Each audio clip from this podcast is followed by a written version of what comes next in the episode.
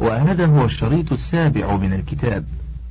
فصل في فاء الافتعال وتائه.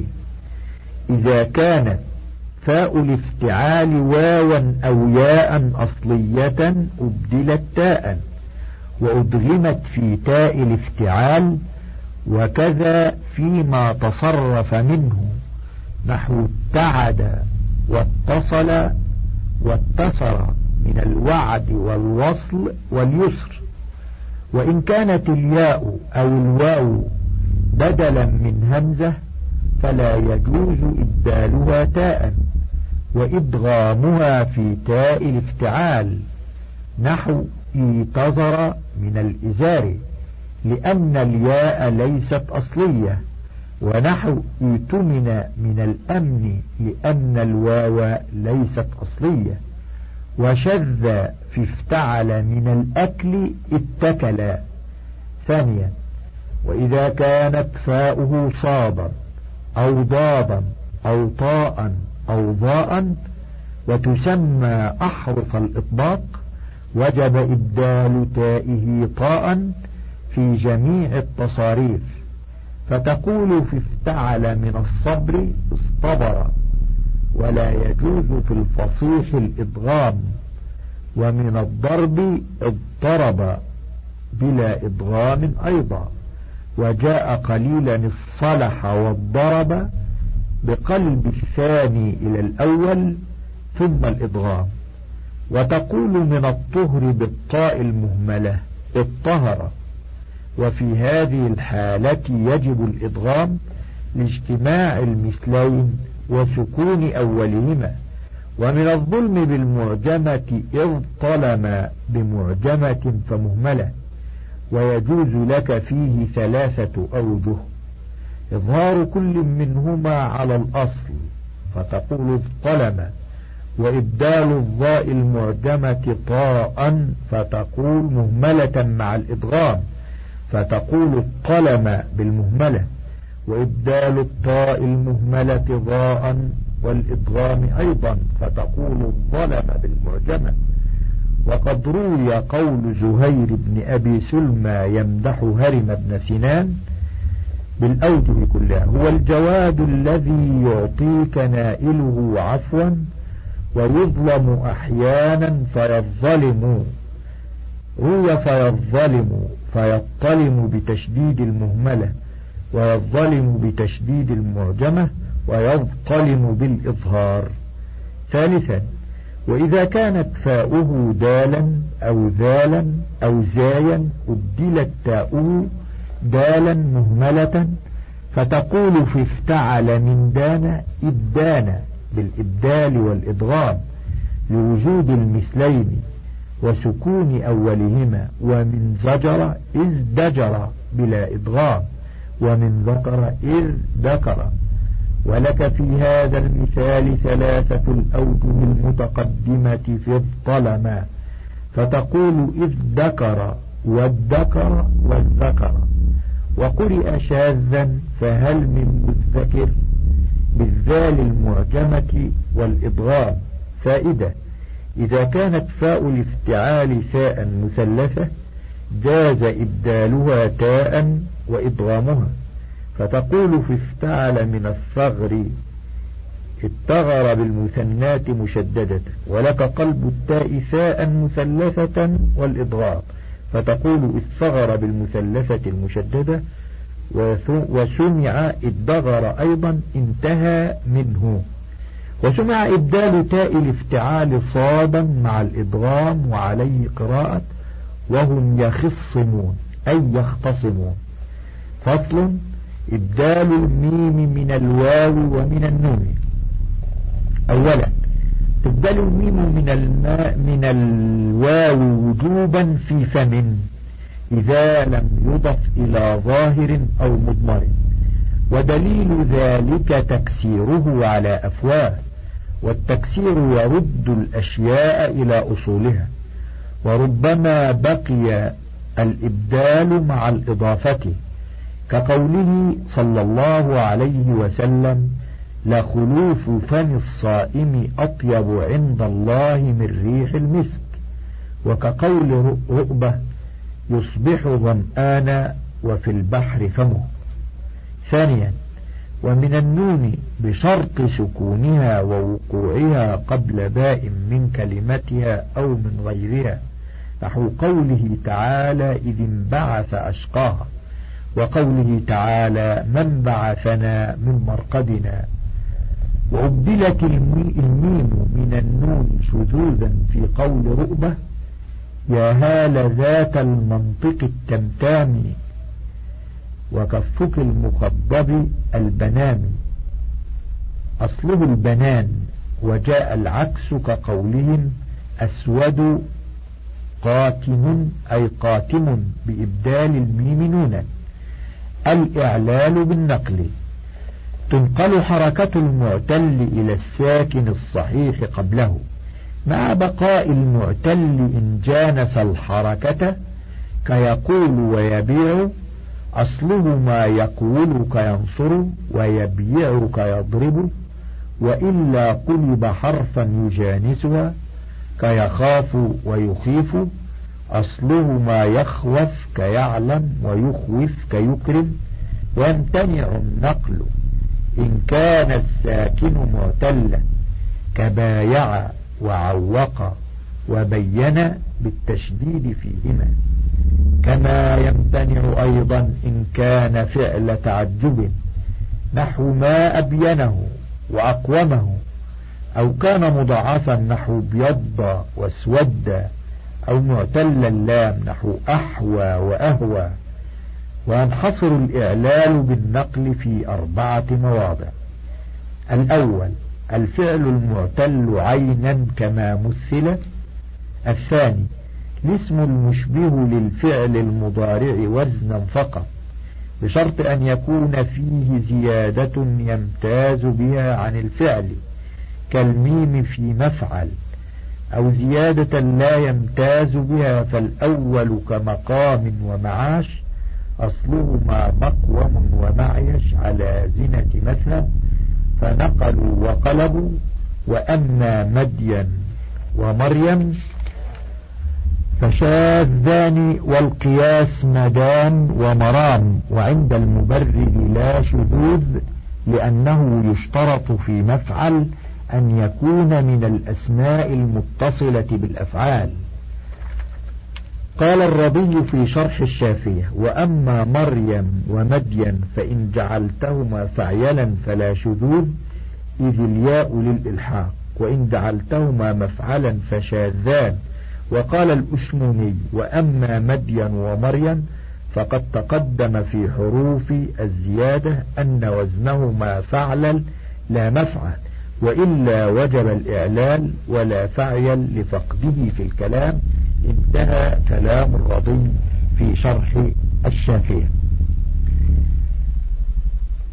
والثاني كأن تبني من البيع أو القول اسما على زنة تحلئ بكسرتين بينهما ساكن وآخره همزة اسم للقشر الذي على الأديم مما يلي منبت الشعر.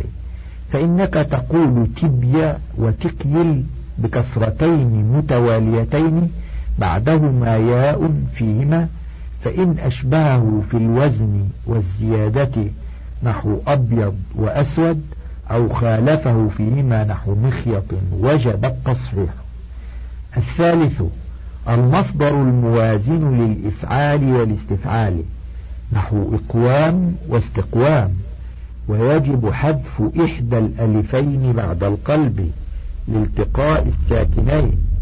وهل المحذوف الأولى أو الثانية؟ خلاف في ذلك. والصحيح أنها الثانية لقربها من الآخر ويؤتى بالتاء عوضا عنها. فيقال إقامة واستقامة وقد تحذف كأجاب إجابا وخصوصا عند الإضافة نحو إقام الصلاة ويقتصر فيه على ما سمع وورود تصحيح إفعال واستفعال وفروعهما نحو أعول إعوالا واستحوذ استحواذا وهو أذن سماعي أيضا. وهو إذا سماعي أيضا. الرابع صيغة مفعول كمقول ومبيع بحذف أحد المدين فيهما مع قلب الضمة كسرة في الثاني لئلا تنقلب الياء واوا فيلتبس الواوي باليائي. وبنو تميم تصحح اليائية فيقولون مبلوع ومديون ومخلوط وعليه قول العباس بن مرداس السلمي قد كان قومك يحسبونك سيدا وإخال أنك سيد مغيون أو معيون وذلك لغة عامة لغة عامة المصريين في قولهم فلان مديون لفلان.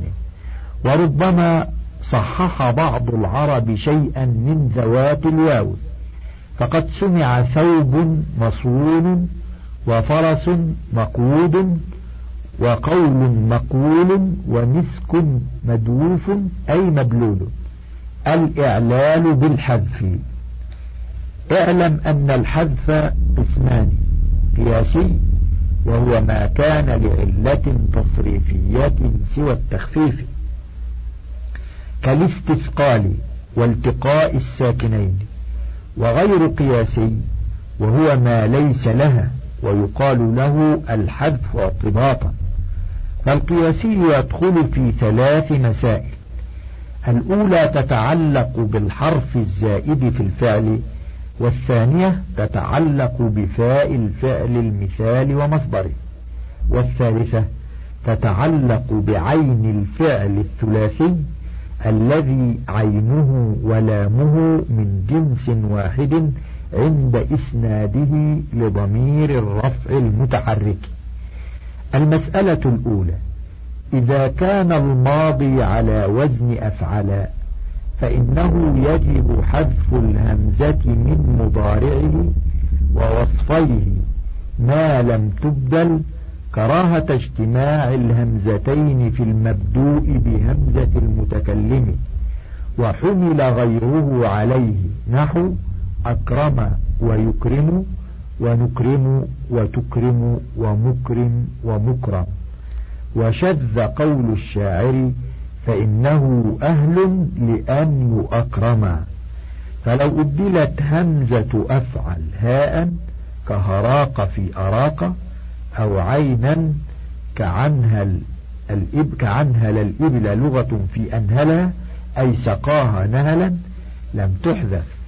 وتفتح الهاء والعين في تصاريفيهما وأما المسألة الثانية فقد تقدمت في حكم المثال فارجع إليها إن شئت.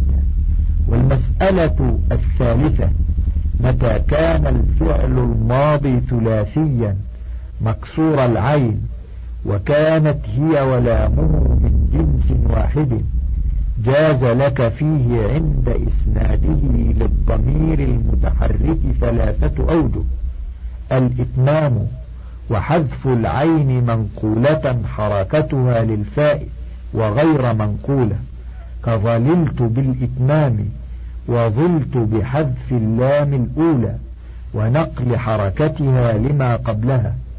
وظلت محذوف اللام بدون نقل فإن زاد على ثلاثة تعين الإتمام نحو أقررت وشز أحست في أحسست. كما يتعين الإتمام لو كان ثلاثيا مفتوح العين نحو حللت وشذ همت في هممت. وأما إن كان الفعل المكسور العين مضارعا أو أمرا اتصل بنون نسوة فيجوز فيه الوجهان الأولان فقط. نحو يقررن ويقرن وأقررن وقرن لأنه لما اجتمع مثلان وأولهما مكسور حسن الحذف كالماضي. قال تعالى وقرن في بيوتكن فإن كان أول المثلين مفتوحا كما في لغة قررت أقر بالكسر في الماضي والفتح في المضارع قل النقل كقراءة نافع وقرن في بيوتكن وأما القسم الثاني من القياسي وهو الحذف لالتقاء الساكنين فسيأتي له باب مستقل إن شاء الله تعالى. وأما غير القياسي فكحذف الياء من نحو يد ودم أصلهما يدي ودمي والواو من نحو اسم وابن وشفة أصلها سم وبنو وشفو والهاء من نحو است أصله ستة التاء من نحو أسطاع أصله استطاع في أحد وجهين. الإبغام بسكون الدال وشدها والأولى عبارة الكوفيين والثانية عبارة البصريين. وبها عبر سيبوي وهو لغة الإدخال واصطلاح الإتيان بحرفين ساكن فمتحرك من مخرج واحد بلا فصل بينهما بحيث يرتفع اللسان وينحط بهما دفعة واحدة وهو باب واسع لدخوله في جميع الحروف ما عدا الألف اللينة ولوقوعه في المتماثلين والمتقاربين في كلمة وفي كلمتين. وينقسم إلى ممتنع وواجب وجائز. فمن الممتنع ما إذا تحرك أول المثلين وسكن الثاني نحو ظللت أو عكس وكان الأول هاء سكت نحو مالية هلك عني سلطانية لأن الوقف منوي. وقد أدغمها ورش على ضعف أو كان مدة في الآخر كيدع واقد ويعطي ياسر لفوات الغرض المقصود وهو المد أو كان همزة مفصولة من فاء الكلمة كلم يقرأ أحد. والحق أن الإدغام هنا رديء أو تحرك وفات بالإدغام غرض الإلحاق كقرضد وجلببة أو خيف اللبس بزينة أخرى نحو ضر كما سيأتي.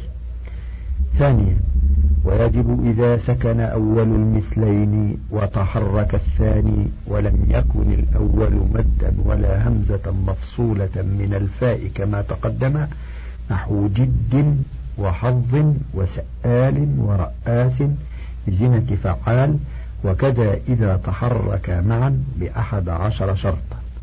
أحدهما أحدها أن يكون في كلمة كمد ومل وحب أصلها مدد بالفتح وملل بالكسر وحبب بالضم.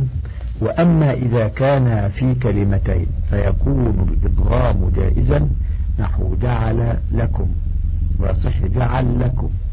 ثانيها ألا يتصدر أحدهما كددا وهو اللهو.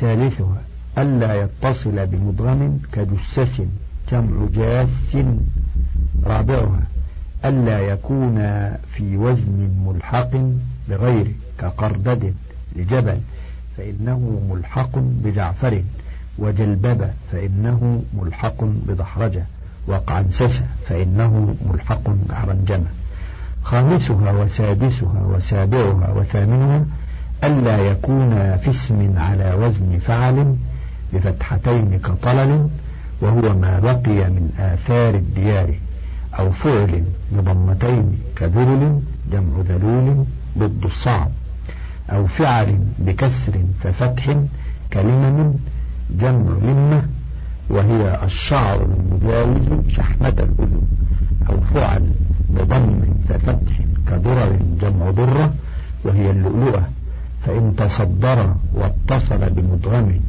أو كان الوزن ملحقا أو كان اسم على ذنة فعل أو فعل أو فعل وفعل امتنع الإضغام الشرط التاسع ألا تكون حركة إحداهما عارضة كخص صبي اكف في الشر.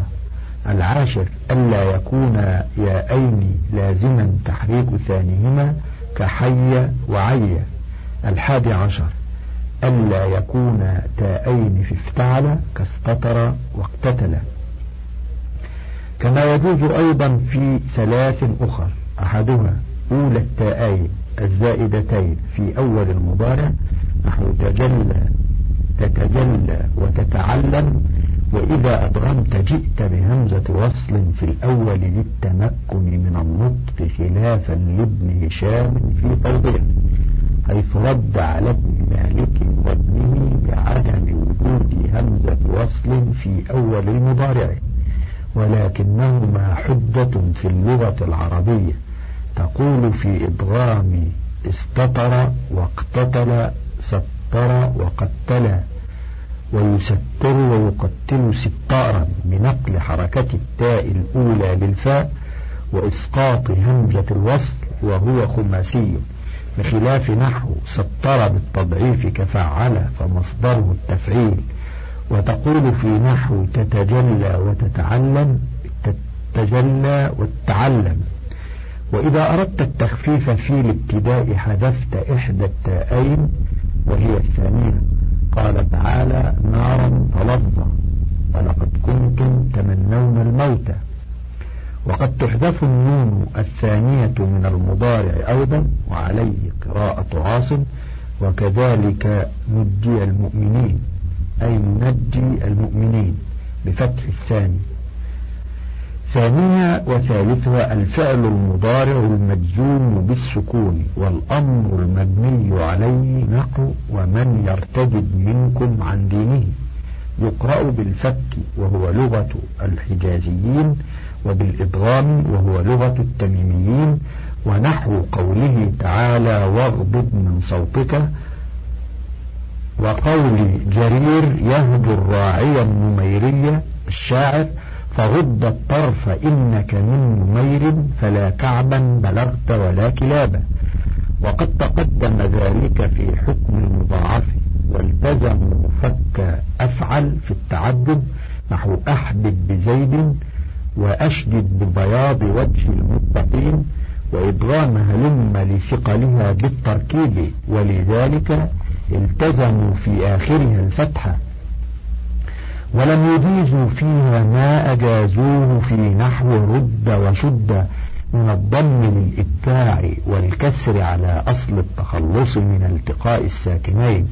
فهما مستثنيان من فعل الأمر واستثناؤهما منه في الأول بحسب الصورة لأنه في الحقيقة ماض وفي الثاني على لغة تميم لأنه عندهم فعل أمر غير متصرف تلحقه الضمائر بخلاف الحجازيين فإنه عندهم اسم فعل أمر لا يلحقه شيء وبلغتهم جاء التنزيل قال الله تعالى هلم إلينا هلم شهداء. تنبيه إذا ولي المدغم حرف مد وجب تحريكه بما يناسبه نحو ردوا وردي وردوا. وإذا وليه هاء غائبة وجب فتحه لخفاء الهاء. فكأن الألف وليته. ويجب الضم إذا وليه هاء غائب خلافا لثعلب وأما إذا وليه ساكن أو لم يله شيء فيثلث آخره في المضارع المجزوم والأمر. إذا كان مضموم الفاء نحو رد القوم ولم يرد الطرف.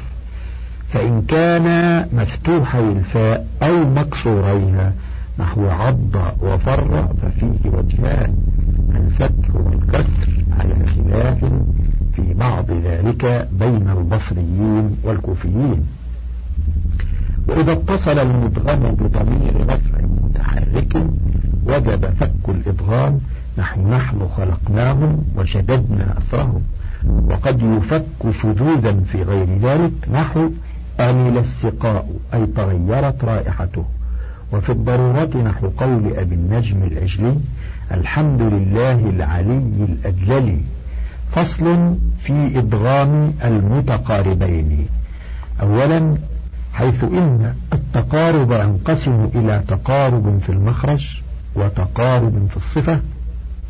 لازم أن نبين أولا مخارج الحروف وصفاتها ليكون الطالب على بصيرة. فنقول مخارج الحروف أربعة عشر تقريبا. أولا أقصى الحلق للألف والهمزة والهاء. ثانيا ووسطه للحاء والعين المهملتين. ثالثا وأدناه للخاء والغين المعجمتين. رابعا وأقصى اللسان مع ما فوقه من الحنك للقاف والكاف. خامسا ووسطه مع ما فوقه من الحنك للجيم والشين سادسا وإحدى حافتيه مع ما يليه من الأضراس للضاد سابعا وما دون طرفه إلى منتهاه مع ما فوقه من الحنك اللام. فمخرج اللام قريب من مخرج الضاد وهي أوسع الحروف مخرجا. ثامنا وللراء من اللسان وما فوقه ما يليهما فهي أخرج من اللام تاسعا. والنون مع ما يليه من الخيشوم وهو أقصى الأنف عشرا. وللطاء والدال المهملتين والدال المثنات طرفه مع أصول الثنايا العليا وهي الأسنان المتقدمة ثنتان من أعلى وثنتان من أسفل. حادي عشر وطرفه مع الثنايا للصاد والزاي والسين. ثاني عشر وطرفه مع طرف الثنايا للضاء والذال والثاء المثلثة. ثالث عشر وباطن الشفة السفلى مع طرف الثنايا العليا للفاء. رابع عشر وما بين الشفتين للباء والميم والواو.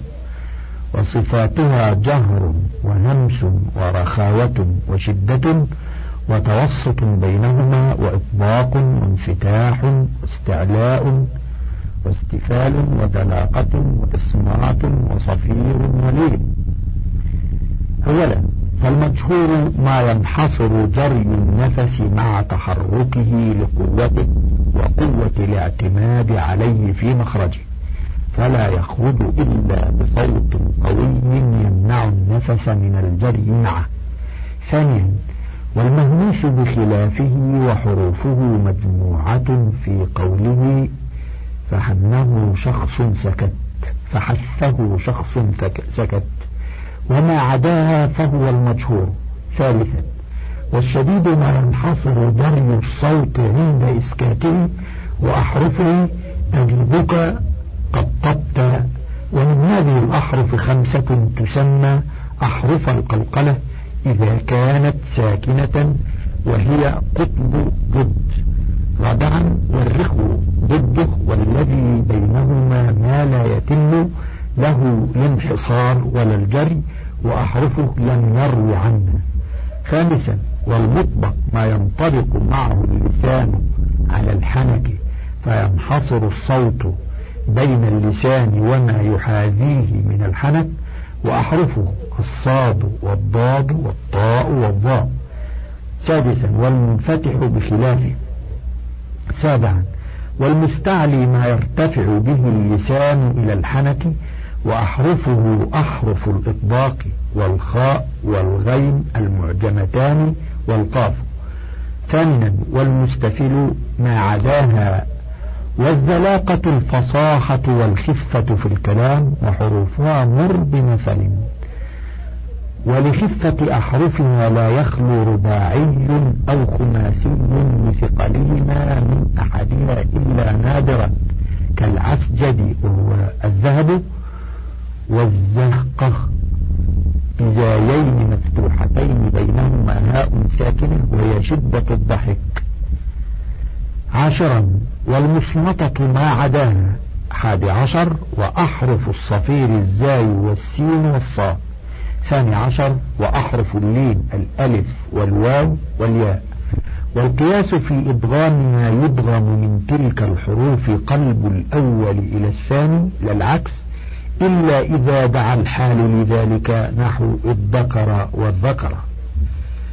ثانيا والإدغام للحروف المتقاربة في بعضها له ثلاثة أحكام الوجوب والامتناع والجواز.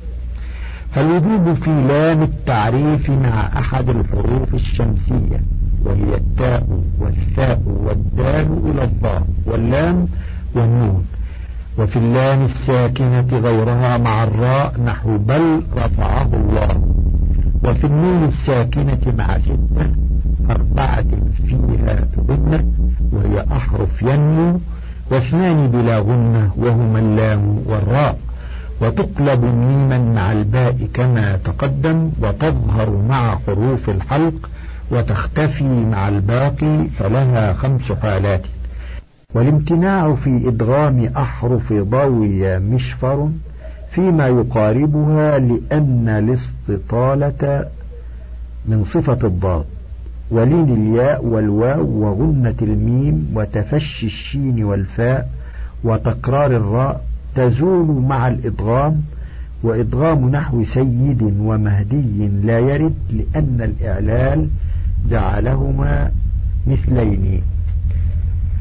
والجواز فيما عدا ذلك نحو إدغام نحو إدغام النون المتحركة في حرف من حروف يرملون.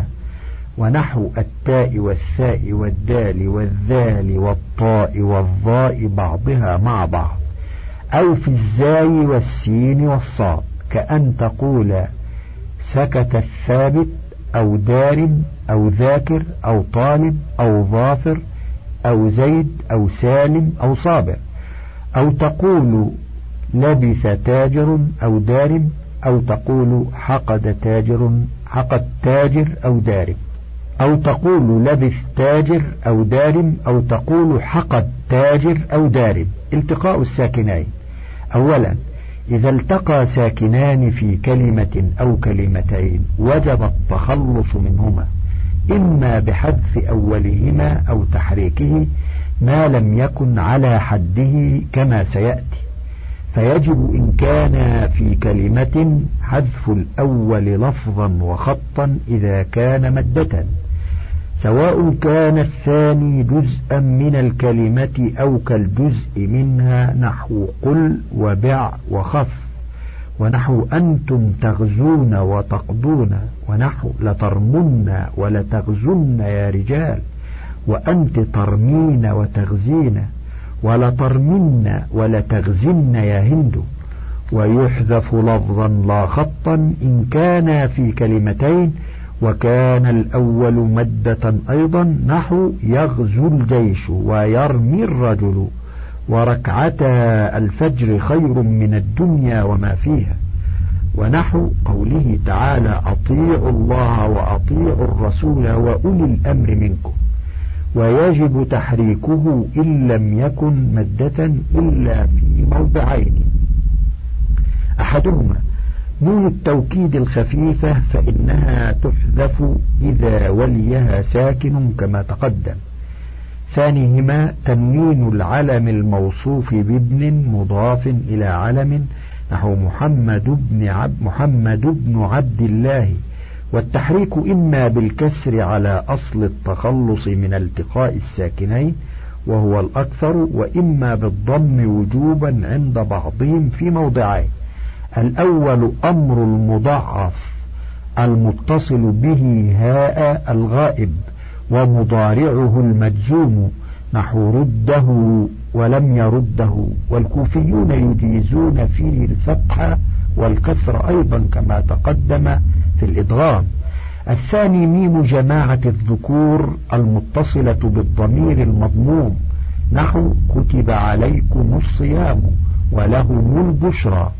ويترجح الضم على الكسر في واو الجماعة المفتوح ما قبلها. نحو اخشوا الله ولا تنسوا الفضل بينكم لخفة الضمة على الواو بخلاف الكسرة.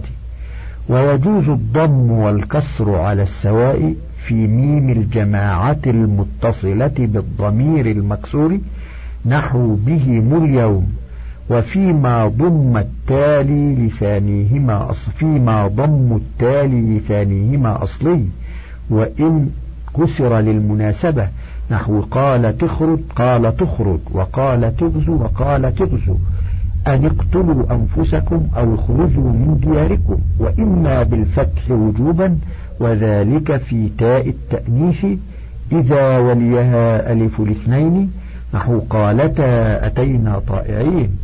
وفي نون من الجارة إذا دخلت على ما فيه ال نحو من الله ومن الكتاب بخلافها مع غير ال فالكسر أكثر نحو من, من ابنك وفي أمر المضعف المضموم العين ومضارعه المجزوم مع ضمير الغائبة نحو ردها ولم يردها وأجاز الكوفيون فيه الضم والكسر أيضا كما تقدم في الإضغام.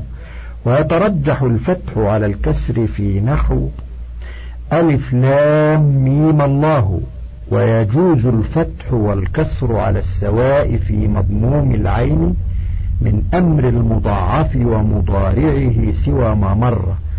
ثانيا ويغتفر التقاء الساكنين في ثلاثة مواضع. الأول إذا كان أول الساكنين حرف لين وثانيهما مدغما في مثله وهما في كلمة واحدة نحو ولا الضالين ومادة ودابة وخويصة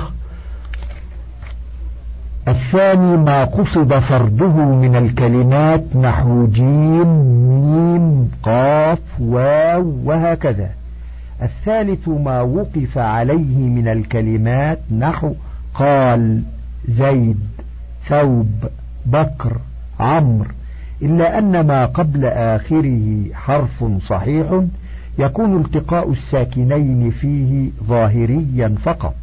وفي الحقيقة أن الصحيح محرك بكسرة مختلسة جدا وأما ما قبل آخره حرف لين فالتقاء الساكنين فيه حقيقي لإمكانه وإن ثقل وأخف اللين في الوقف الألف ثم الواو والياء مدين ثم اللينان بلا مد كثوب وبيت فصل الإمالة وتسمى الكسر والبطح والإضجاع هي لغة مصدر أملت الشيء إمالة عدلت به إلى غير الجهة التي هو فيها. واصطلاحا أن تذهب بالفتحة إلى جهة الياء إن كان بعدها ألف كالفتى وإلى جهة الكسرة إن لم يكن ذلك كنعمة وبسحر.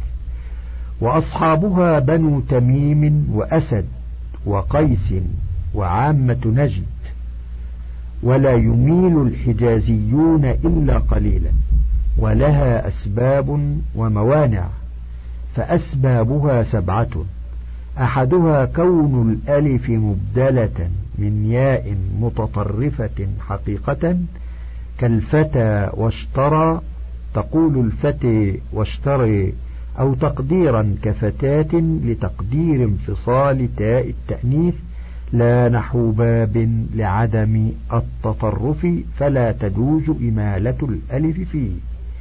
ثانيها كون الياء تخلفها في بعض التصاريف كألف ملهى وأرطى وحبلى وغزى وتلا وسجى لقولهم في تثنيتها ملهيان أرطيان حبليان وفي بناء الباقي للمجهول غزي وتلي وسجي. ثالثها كون الألف مبدلة من عين فعل يؤول عند إسناده للتاء إلى لفظ فلت بالكسر. كباع وكال وهاب وكاد ومات إذ تقول على الترتيب بعت كلت هبت كدت مت أو مت على لغة من كسر الميم بخلاف نحو طال. رابعها وقوع الألف قبل الياء كبايعته وسايرته. خامسها وقوعها بعد ياء متصلة أو منفصلة بحرف أو حرفين أحدهما الهاء. نحو شيبان ودخلت بيتها وعيان. سادسها وقوع الألف قبل كسرة مباشرة كسالم أو بعدها منفصلة منها بحرف ككتاب أو بحرفين كلاهما متحرك وثانيهما هاء وأولهما غير مضموم كيريد أن يضربها دون هو يضربها أو أولهما ساكن كشملال أو بهذين وبالهاء كضرهماك. سابعها إرادة التناسب بين كلمتين أميلت إحداهما لسبب متقدم كإمالة والضحى في قراءة أبي عمرو لمناسبة سجى وقلى لأن ألف الضحى لا تمال إذ هي منقلبة عن واو. ويمنعها شيئان أحدهما الراء بشرط كونها غير مكسورة وأن تكون متصلة بالألف قبلها كراشد أو بعدها نحو هذا الجدار وبنيت الجدار. وبعضهم جعل المؤخرة المفصولة بحرف ككافر كالمتصلة. وألا يجاور الألف راء أخرى فإن جاورتها أخرى لم تمنع الأولى. نحو إن الأبرار. ثانيها حروف الاستعلاء السبعة وهي الخاء والغين والصاد والضاد والطاء والظاء والقاف متقدمة أو متأخرة. ويشترط في المتقدم منها ألا يكون مكسورا فخرج نحو طلاب وغلاب وخيام وأن يكون متصلا بالألف أو منفصلا عنها بحرف واحد كصالح وضامن وطالب وظالم وغالب وخالد وقاسم وكغنائم. وألا يكون ساكنا بعد كسرة فخرج نحو مصباح وإصلاح ومطواع. وألا يكون هناك راء مكسورة مجاورة فخرج نحو وعلى أبصارهم. وإذ هما في الغار ويشترط في المتأخر الاتصال أو الانفصال بحرف أو حرفين كساخر وخاطب ونافخ وناعق وكمواثيق ومناشيط. تنبيهات الأول شرط الإمالة التي يكفها المانع ألا يكون سببها كسرة مقدرة كخافة فإن ألفه منقلبة عن واو مكسورة ولا ألفا منقلبة عن ياء كطاب فسبب إمالة الأول الكسرة المقدرة وسبب إمالة الثاني الياء التي انقلبت ألفا لأن السبب المقدر هنا أقوى من السبب الظاهر لأن الظاهر إما متقدم على الألف كالكسرة في كتاب والياء في بيان أو متأخر عنها نحو غانم, غانم وبايعة والذي في نفس الألف أقوى من الاثنين ولذا أميل نحو طاب وخاف مع تقدم حرف الاستعلاء وحاق وزاغ مع تأخره كذلك. الثاني سبب الإمالة لا يؤثر إلا إذا كان مع كلمة لأن عدم الإمالة هو الأصل فيصار إليه بأدنى شيء. فلا يمال نحو لزيد مال لوجود الألف في كلمة والكسرة في كلمة. وأما المانع فيؤثر مطلقا لأنه لا يصار إلى الإمالة التي هي غير الأصل إلا بسبب قوي فلا تمال ألف كتاب من نحو كتاب قاسم لوجود حرف الاستعلاء وإن كان منفصلا. الثالث تمال الفتحة قبل حرف من ثلاثة. أحدها الألف وقد تقدمت وشرطها ألا تكون الفتحة في حرف ولا في اسم يشبهه. إذ في الإمالة نوع تصرف والحرف وشبهه بريء منه فلا تمال فتحة إلا ولا على ولا إلى مع السبب المقتضي في كل وهو الكسرة في الأول والرجوع إلى الياء في الثاني وكلاهما في الثالث واستثنوا من ذلك ضميري ها ونا فقد أمالوهما عند سبق الكسرة أو الياء وذلك لكثرة استعمالهما. ثانيها الراء بشرط كونها مكسورة وكون الفتحة في غير ياء وكونهما متصلين نحو من الكبر أو منفصلتين نحو كن غير ياء. نحو من عمر بخلاف نحو. أعوذ بالله من الغير ومن قبح السير ومن غيرك. ثالثها هاء التأنيث في الوقف خاصة كرحمة ونعمة. شبهوا هاء التأنيث بألفها لاتفاقهما في المخرج والمعنى والزيادة والتطرف والاختصاص بالأسماء. وأمال الكسائي قبل هاء السكت نحو كتابية ومنعها بعضهم وهو الأصح. مسائل للتمرين. التمرين مصدر مرنه على كذا. مأخوذ من قولهم مرن على الشيء مرونا ومرانة إذا اعتاده واستمر عليه. وهو هنا بمعنى تعويد الطالب تطبيق المسائل على القواعد الصرفية التي علمها. وكثيرا ما يقولون المطلوب أن تبني من كذا لفظا بزنة كذا. فيجب أن نبحث أولا عن معنى هذه العبارة حتى يعمل سامعها بمقتضاها على بينة. فنقول إنهم قد اختلفوا في ذلك على أقوال أصحها وأن المعنى صغم اللفظ ضرب مثلا ما هو بزينة جعفر بمعنى أن تعمل في هذه الزينة الفرعية ما يقتضيه القياس من القلب أو الحذف أو الإدغام مثلا إن كان في هذه, الزينة الفرعية أسباب تقتضيها.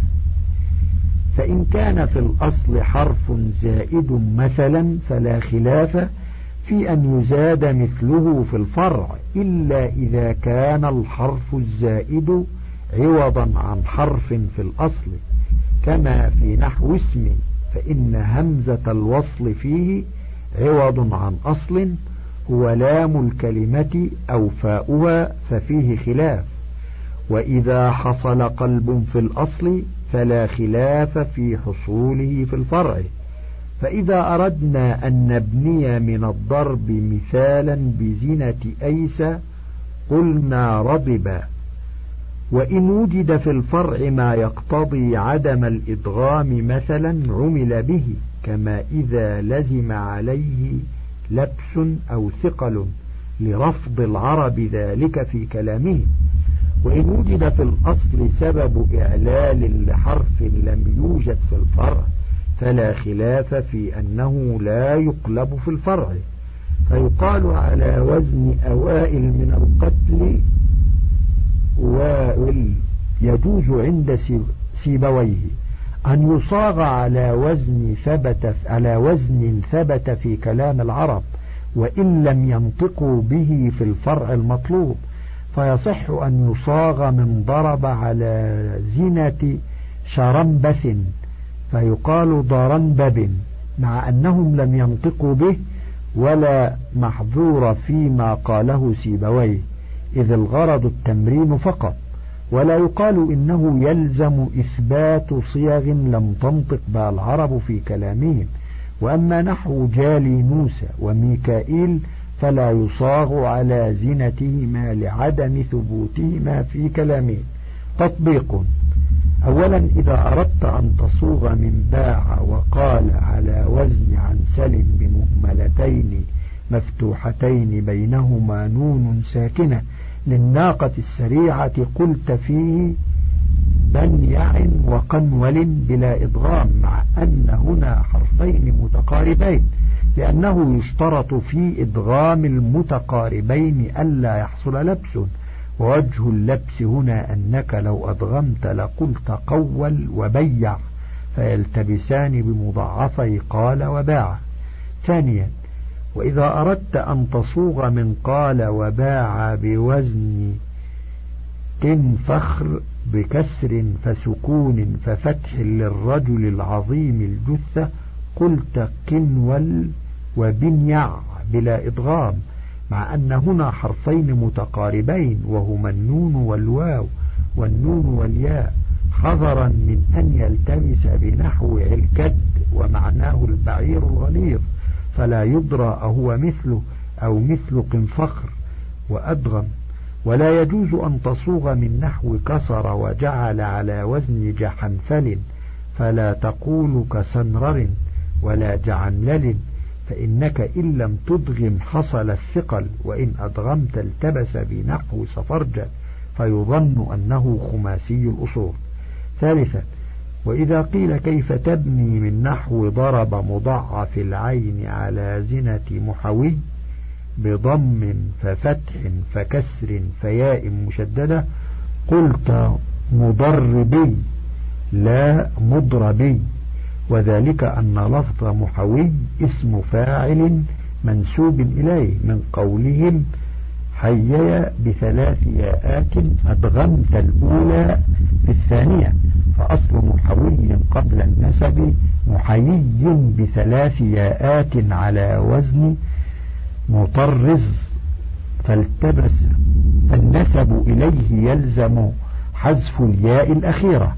كما تحذف من المشتري ثم حذف إحدى الياءين الباقيتين وقلب الأخرى واوا وفتح ما قبلها فيصير بعد النسب محويا وحيث إن هذه الأسباب الموجبة للتغيير في الأصل لم توجد في الفرع الذي هو مضربي نطق به على حاله. أي على زنة محوي لو لم يحصل فيه تغيير. رابعا وإذا قيل صغ من آه اسم شجرة أو ثمرة على زنة مستار اسم للخمر قلت مستات لا مسآت لأنه لا يحذف من الفرع إلا ما اقتضاه في نفسه لا بالنظر إلى أصله. من طيرة ولو قدر أنه من سطر لقيل مؤواء خمس. خامس. وإذا قيل كيف تبني من وأيت بزنة كوكب حال كون المصوغ مخففا مجموعا جمع سلامة مضافا إلى ياء المتكلم. قلت فيه أوية بفتح فكسر فياء مشددة مفتوحة وذلك أنك أولا تبني من وأى بزنة كوكب فتقول ووأي ثم يعل إعلال فتى فيقال ووأى فإذا خففت همزته بنقل حركتها إلى ما قبلها قلت فيه ووي بزنة فتى ثم تقلب الواو الأولى همزة فيصير أوي وجوز بعضهم عدم القلب فإذا جمعته جمع سلامة قلت فيه أوون كفتون فإذا أضفته إلى ياء المتكلم قلت أوويا ثم تقلب الواو الثانية ياء وتدغمها في وتدغمها في الياء وتكسر الواو الأولى لمناسبة الياء فيصير أويا. سادسا وإذا قيل كيف تبني من وأيت بزنة أبل وهو خوص المقل قلت فيه أوء بضم أوله وذلك لأن أصله أؤي ثم أعل إعلال قاض فصار كما ترى. سابعا وإذا قيل صغ من أويت بزينة أبلم قلت فيه أو أصله أؤوي قلبت الهمزة الثانية واوا وأدغم المثلان.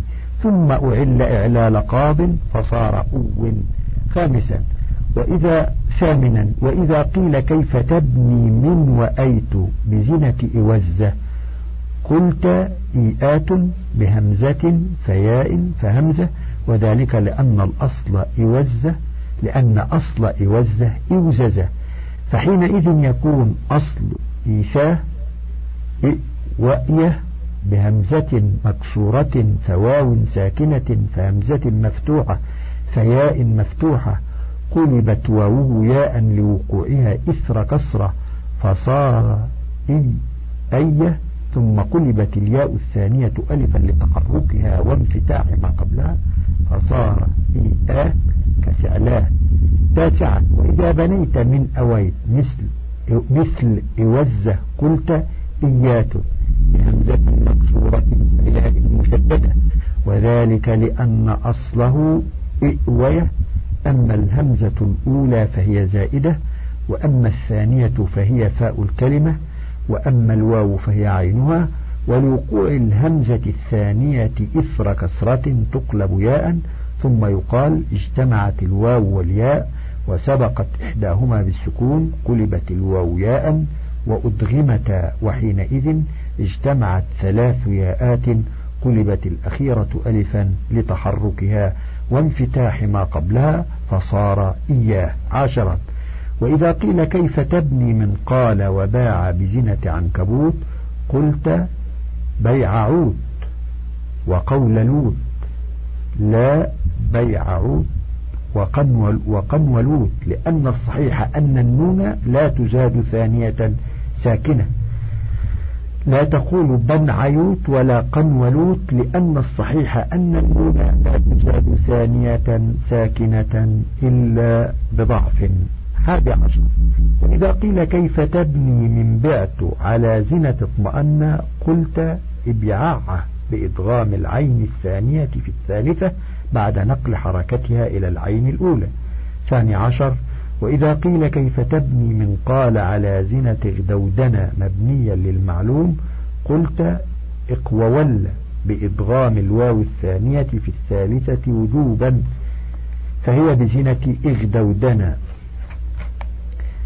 ثالث عشر وإذا قيل كيف تبني من قال وباع بزنة اغدودنا مبنيا للمجهول قلت اقوول وبيويع بلا إدغام وجوبا لأن الواو الثانية في قول والواو في بيويع حرف مد زائدان فلا إدغام فيهما. رابع عشر.